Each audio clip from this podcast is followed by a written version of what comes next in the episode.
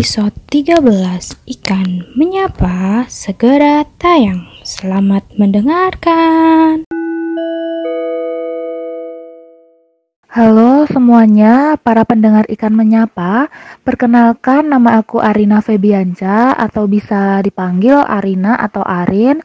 Aku dari Prodi Manajemen Sumber Daya Akuatik 2017 yang sekarang sedang menempuh semester akhir yaitu menggarap skripsi tentunya dan juga masih aktif dalam beberapa organisasi yaitu Gerakan Mahasiswa Nasional Indonesia Fakultas Pertanian Universitas Gajah Mada dan juga kelompok studi Coastal Community Studies di perikanan yaitu membahas tentang isu perikanan baik di dalam maupun di luar e, negeri atau kancah internasional. Di sana saya menjabat sebagai ketua.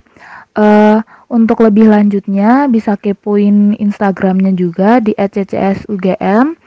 E, untuk itu nice to meet you guys. Apa yang ada di benakmu ketika pertama kali mendengar kata perikanan?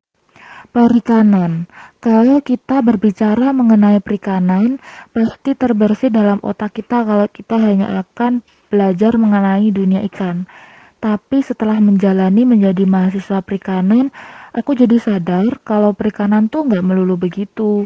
Di sini kita juga belajar mengenai cara mengolahnya, pemasaran yang mana kita pasti juga belajar ekonominya, sosiologi masyarakat pelaku perikanan yang mana kayak masyarakat pesisir seperti nelayan kayak gitu.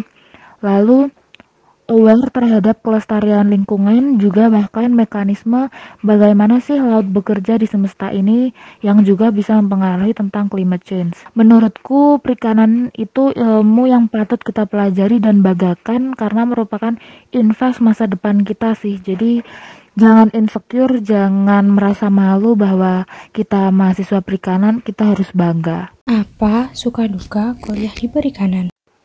Oh, suka dukanya lah kalau kita bahas yang sedih dulu ya. Kalau bahas dukanya sih pertama sebenarnya tuh aku dari uh, eh, SMA aku tuh udah kayak ngerasa salah jurusan kalau sebenarnya aku tuh di IPS.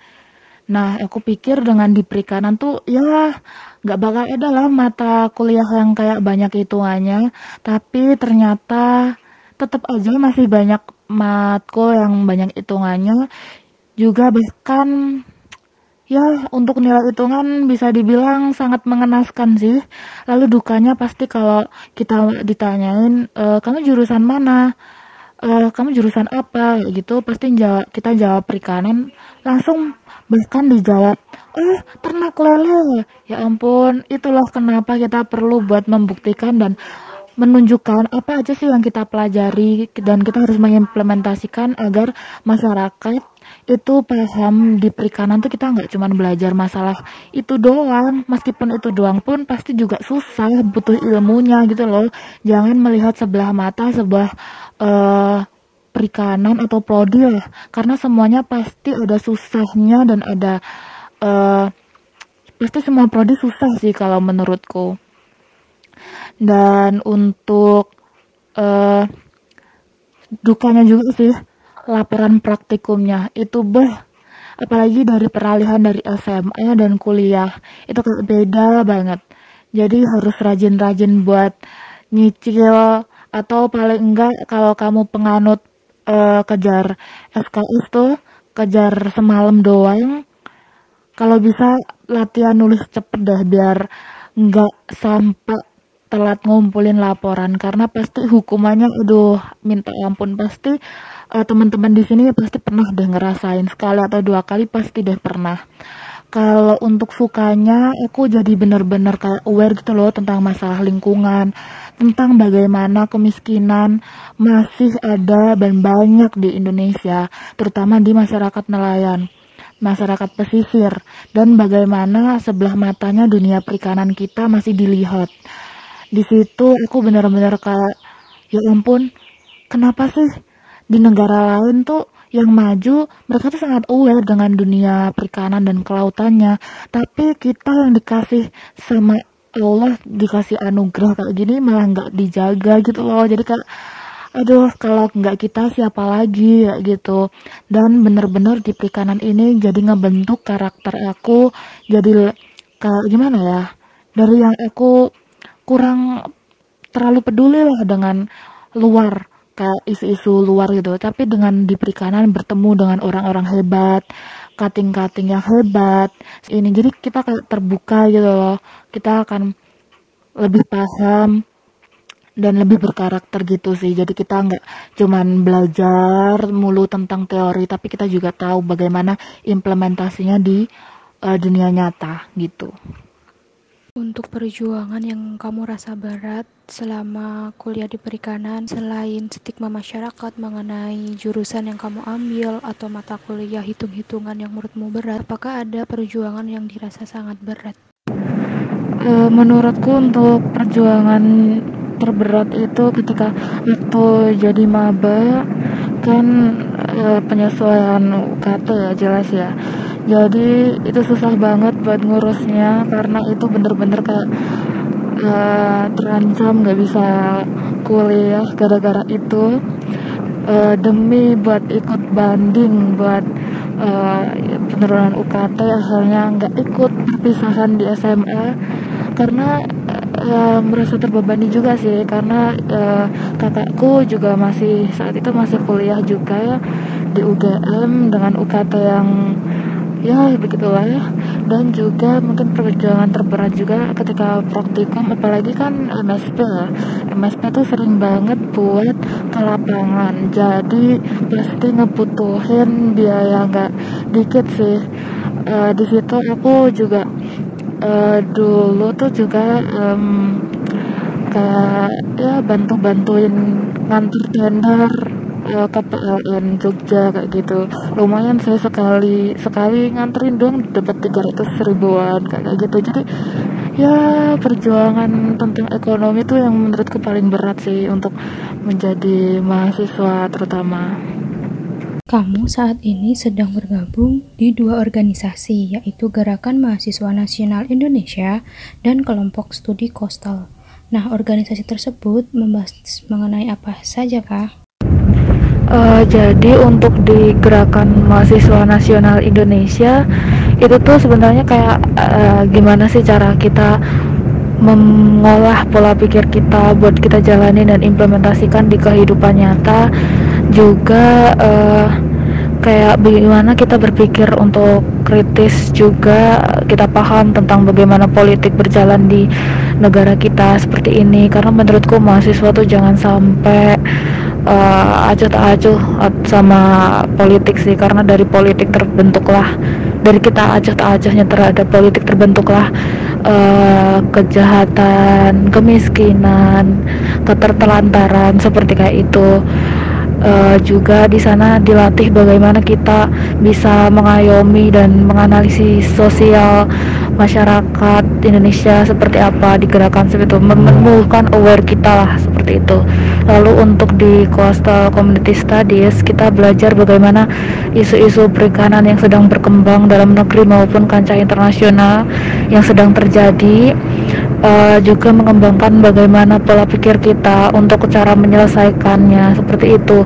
Lebih-lebih sebenarnya kalau kita melihat dari dua organisasi tersebut aku lebih kayak fokus buat bagaimana cara menumbuhkan awareness kita dan critical thinking kita agar nanti kita bisa menghadapi uh, dunia nyata bukan impian kayak mimpi-mimpi biasa gitu kita menjalani kenyataan ya yang kurang lebih pasti ada pahitnya lah gitu. Ya untuk yang coastal community study itu kan tadi kamu di awal sudah membicarakan yaitu membahas mengenai isu-isu perikanan baik di dalam negeri maupun luar negeri. Nah untuk anak perikanan sendiri apakah pentingnya untuk membahas isu-isu perikanan tersebut menurutku sih penting banget ya kita harus melek tentang isu perikanan. Karena apa yang kita pelajarin tuh ilmu tuh nggak pernah berhenti di situ gitu loh. Ilmu itu dinamis. Jadi pasti ada perkembangan-perkembangan lain. Dengan kita melek dengan isu-isu perikanan kita jadi aware gitu loh kehidupan di sekitar kita tuh kayak gimana lalu apa yang bisa kita implementasikan dari ilmu-ilmu yang kita udah pelajarin di masa kuliah? Apa terobosan terkini yang bisa kita memberikan? Apa saran yang kita bisa berikan? Kayak gitu. Kita bisa kayak lihat contohnya aja deh. Dari dosen-dosen kita sendiri meskipun mereka udah sepuh tapi mereka masih update banget tentang isu perikanan. Kayak harusnya kita yang lebih muda lebih melek ekon lebih melek tentang sosial media platform-platform lainnya. Itu tuh harusnya lebih paham harus bisa lebih nyari lagi gitu loh tentang perika, uh, isu-isu perikanan. Karena dengan kayak gini nanti juga ngaruh juga sih kalau terutama nanti di dunia kerja nanti ngambilnya ke perikanan juga kayak gitu. Dengan akhirnya kita berkumpul membahas isu-isu perikanan kita kita tuh bisa melakukan aksi-aksi nyata dari hal-hal tersebut gitu. Menurutku karena di gerakan mahasiswa perikanan UGM sendiri kurang untuk aware akan hal-hal seperti ini. Untuk gabung-gabung ke forum-forum tuh aku lihat lumayan agak tertinggal gitu dari teman-teman fakultas perikanan lainnya dari univ-univ lainnya kayak gitu. Uh, juga ini tuh sangat berperan banget bagi kehidupan kita. Mana kita udah kayak jadi mahasiswa perikanan kayak sayang banget kalau kamu cuman duduk di kampus fokus pada teori-teori yang ada gitu untuk membentuk suatu pola pikir atau awareness terhadap suatu isu itu, apakah dalam suatu organisasi tersebut ada pelatihan-pelatihan yang dilakukan atau langsung terjun ke masyarakat melihat secara nyata apa yang sedang terjadi dan memberikan solusi. Pastinya nanti itu ada pelatihan kayak critical thinking, bagaimana kita mengolah informasi yang kita dapat biar nggak langsung masuk aja kayak gitu, enggak kita olah dulu kepenulisan, uh, terus ke sama public speaking karena nanti audiens kita tuh beda.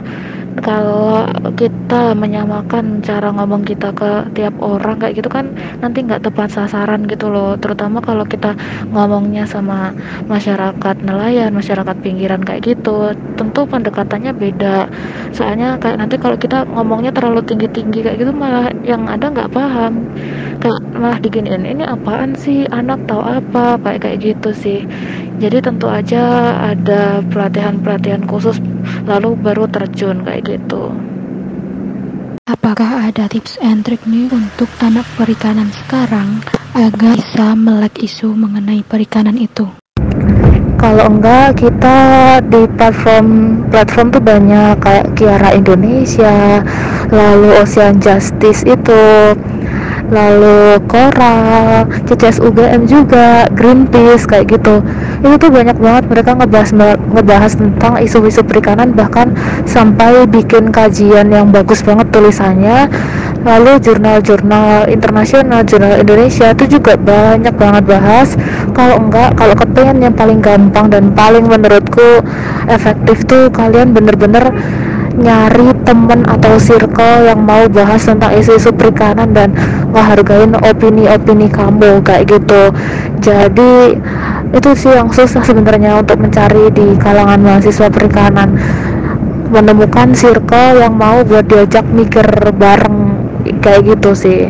Tapi itu bener-bener kayak ngaruh banget di aku juga kayak gitu apa menurutmu isu perikanan yang saat ini paling menarik untuk dibahas? Apakah perempuan nelayan? Atau coba kamu ceritakan mengenai isu yang saat ini sedang dibahas di Coastal Community Study. Sebenarnya banyak banget isu perikanan yang menarik banget dan patut banget buat kita bahas uh, tapi memang aku fokusnya ke peran perempuan nelayan. Nah, di situ ketika mereka harus membagi antara mencari nafkah, merawat keluarganya dan ikut bersosialisasi di masyarakat. Itu benar-benar kayak ngebagi waktunya dan kenapa mereka melakukan itu. Aku memang fokusnya ke situ dan itu emang masih menjadi permasalahan karena mereka masih kurang untuk dihargai gitu loh. Karena hmm, seperti yang sempat terjadi di Demak waktu itu pekerjaan mereka sebagai nelayan tidak diakui dan bahkan di KTP mereka cuma ditulis sebagai ibu rumah tangga. Tapi setelah karena ada kebijakan dan bantuan dari Ibu Susi akhirnya mereka bisa menyandang pekerjaan sebagai nelayan Jadi kemarin kita baru aja ngebahas tentang masalah coral bleaching, lalu juga masalah bahwa nelayan tuh nggak punya pilihan lain selain menjadi nelayan karena COVID-19 kayak gini kan sepi ya, tapi mereka nggak punya pilihan lain.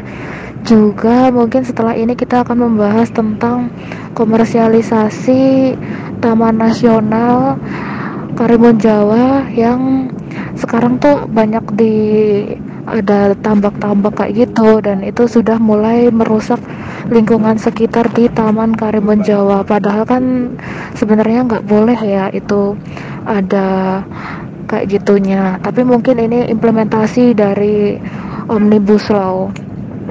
Untuk pembahasan isu-isu tersebut apakah dilakukan an anggota saja dari kelompok studi tersebut atau ada dari eh, orang-orang uh, yang mengalami itu baik nelayan, pembudidaya ataupun pemerhati lingkungan.